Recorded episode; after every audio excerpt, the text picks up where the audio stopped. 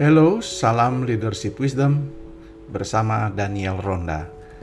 Uh, saya menjumpai saudara-saudara kembali dan saya berharap saudara menikmati podcast ini dan saya senang karena podcast ini juga didengar di berbagai negara dan saya juga berharap saudara-saudara walaupun ini berbahasa Indonesia ada pendengar uh, yang menyaksikan eh, maksud saya mendengarkan podcast ini baik yang di Amerika Serikat, di Australia, di Hong Kong, di Kanada, di Swedia, di Australia dan di Malaysia.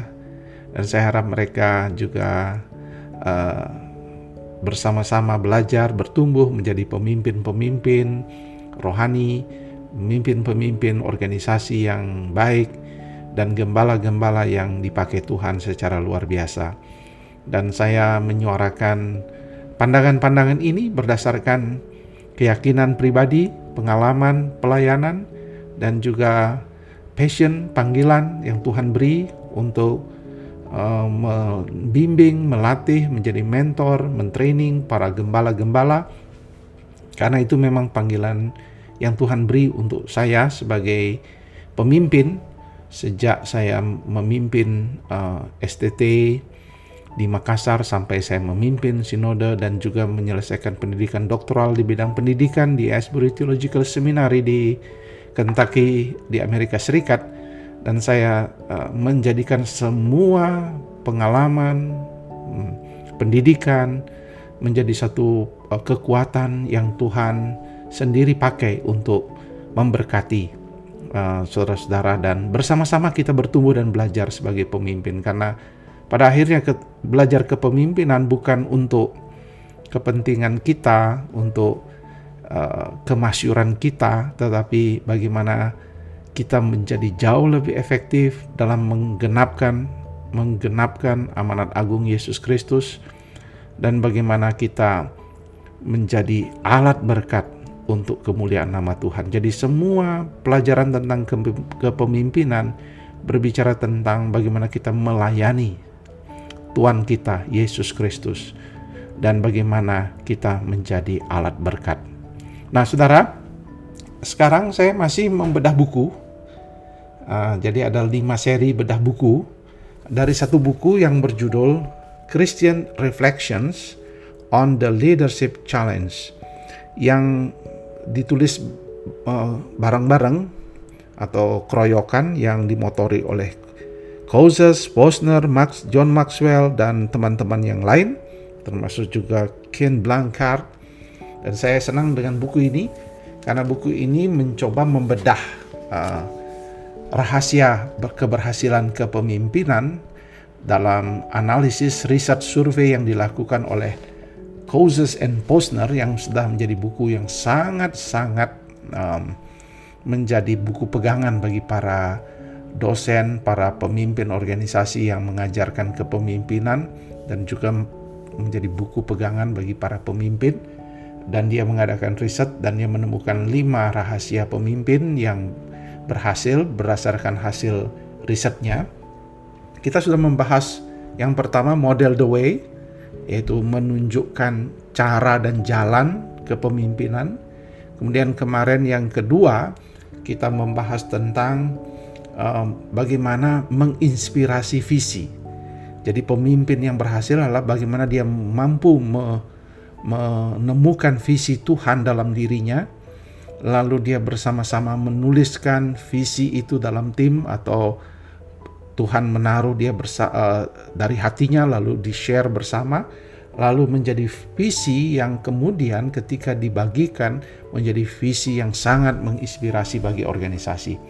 Kemudian yang ketiga dan hari ini menjadi topik kita adalah pemimpin yang uh, berhasil dan kunci kepemimpinan yang berhasil ketika uh, disebutkan istilahnya challenge the process. Saya menerjemahkannya secara bebas, mempersiapkan dengan baik semua proses pencapaian tujuan atau mempersiapkan proses.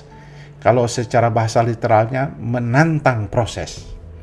Nah, apa maksudnya dari tulisan Causes and Posner ini tentang hal itu.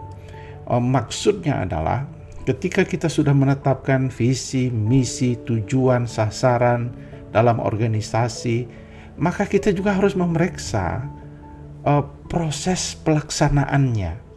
Karena banyak pemimpin-pemimpin yang datang di sebuah gereja, di sebuah organisasi, kemudian di atau di pun ketika dia menjadi kepala di sebuah pemerintahan, bupati atau anggota DPR atau kepala-kepala biro atau kepala dinas, dia dia sudah mempresentasikan visi, mempresentasikan misi, mempresentasikan apa yang menjadi rencana-rencana dia menyusun bersama, tapi dia tidak menjaga proses perjalanannya. Bagaimana itu dapat dikerjakan dengan baik?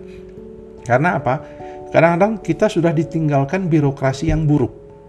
Kadang-kadang birokrasi di mana orang-orangnya yang mengerjakan di dalam yang membantu kita mewujudkan strategi pencapaian itu adalah orang-orang yang tidak uh, orang-orang lama, orang-orang yang tidak punya gairah dan semuanya sehingga mereka menjalankannya dengan model lama, model kuno dan akhirnya saudara uh, gagal karena tidak memeriksa proses ini. Misalnya disuruh membuat surat, kadang-kadang bisa mem, uh, tim administrasi yang membuat surat uh, bisa bisa berhari-hari atau uh, prosesnya birokrasinya terlalu banyak prosesnya terlalu rumit, uh, karyawan yang malas, tidak ada disiplin, bekerja semaunya dan semuanya dan semua yang di, terjadi itu saudara-saudara yang kekasih apa yang terjadi? Sehingga apa pun yang kita kerjakan sebagai pemimpin tidak akan berhasil kalau kita tidak challenge tantang itu proses. Maka kita perlu menantang proses itu perlu memeriksa prosesnya. Kita harus melihat, mencari tahu ya uh, proses ini. Sehingga uh, hal yang perlu dikerjakan dalam uh, refleksi Kristen, pemimpin Kristen terhadap uh, kepemimpinan yang berhasil, uh, kunci keberhasilan yang ketiga ini, yaitu bagaimana para pemimpin berusaha mencari peluang-peluang inisiatif, uh, terutama bagaimana mencari cara melakukan inovasi, ya. cara untuk meningkatkan kinerja. Jadi bagaimana misalnya saudara mengumpulkan, membriefing para staf saudara, mengajar etos kerja, mengajak mereka meningkatkan kemampuan kalau saya dulu di STT namanya tenaga pendidik bagaimana meningkatkan kapabilitasnya etos kerjanya, menyuruh dia kuliah, menyuruh dia ikut pelatihan-pelatihan, seminar dan sebagainya. Bagaimana improve manusianya. Orang-orang yang akan bekerja di birokrasi ini kita naikkan dulu kualitasnya. Kemudian juga kita periksa sistemnya. Apakah ini sudah sistemnya sudah bagus atau masih kuno, gaya 80-an, 70-an, manajemen dulu, tempo dulu, dan sebagainya. Contoh ya waktu saya memimpin organisasi untuk mengubah orang dari surat ke email itu butuh waktu. Tapi saya meyakinkan orang-orang bahwa mereka harus mengembangkan prinsip uh, mulai mengembangkan prinsip untuk mengembangkan email, berkomunikasi WA, membuat keputusan, periksa supaya dan itu sangat menghemat waktu dan mempercepat proses komunikasi. Itu contoh saja yang yang real yang saya alami. Jadi bagaimana saudara memeriksa kembali tatanan organisasi saudara, sistem file, sistem arsip, sistem pengambilan keputusan, sistem eh, mengerjakan sesuatu, sistem dokumentasi, sistem keuangan dan semuanya diperiksa, diproses, dikerjakan.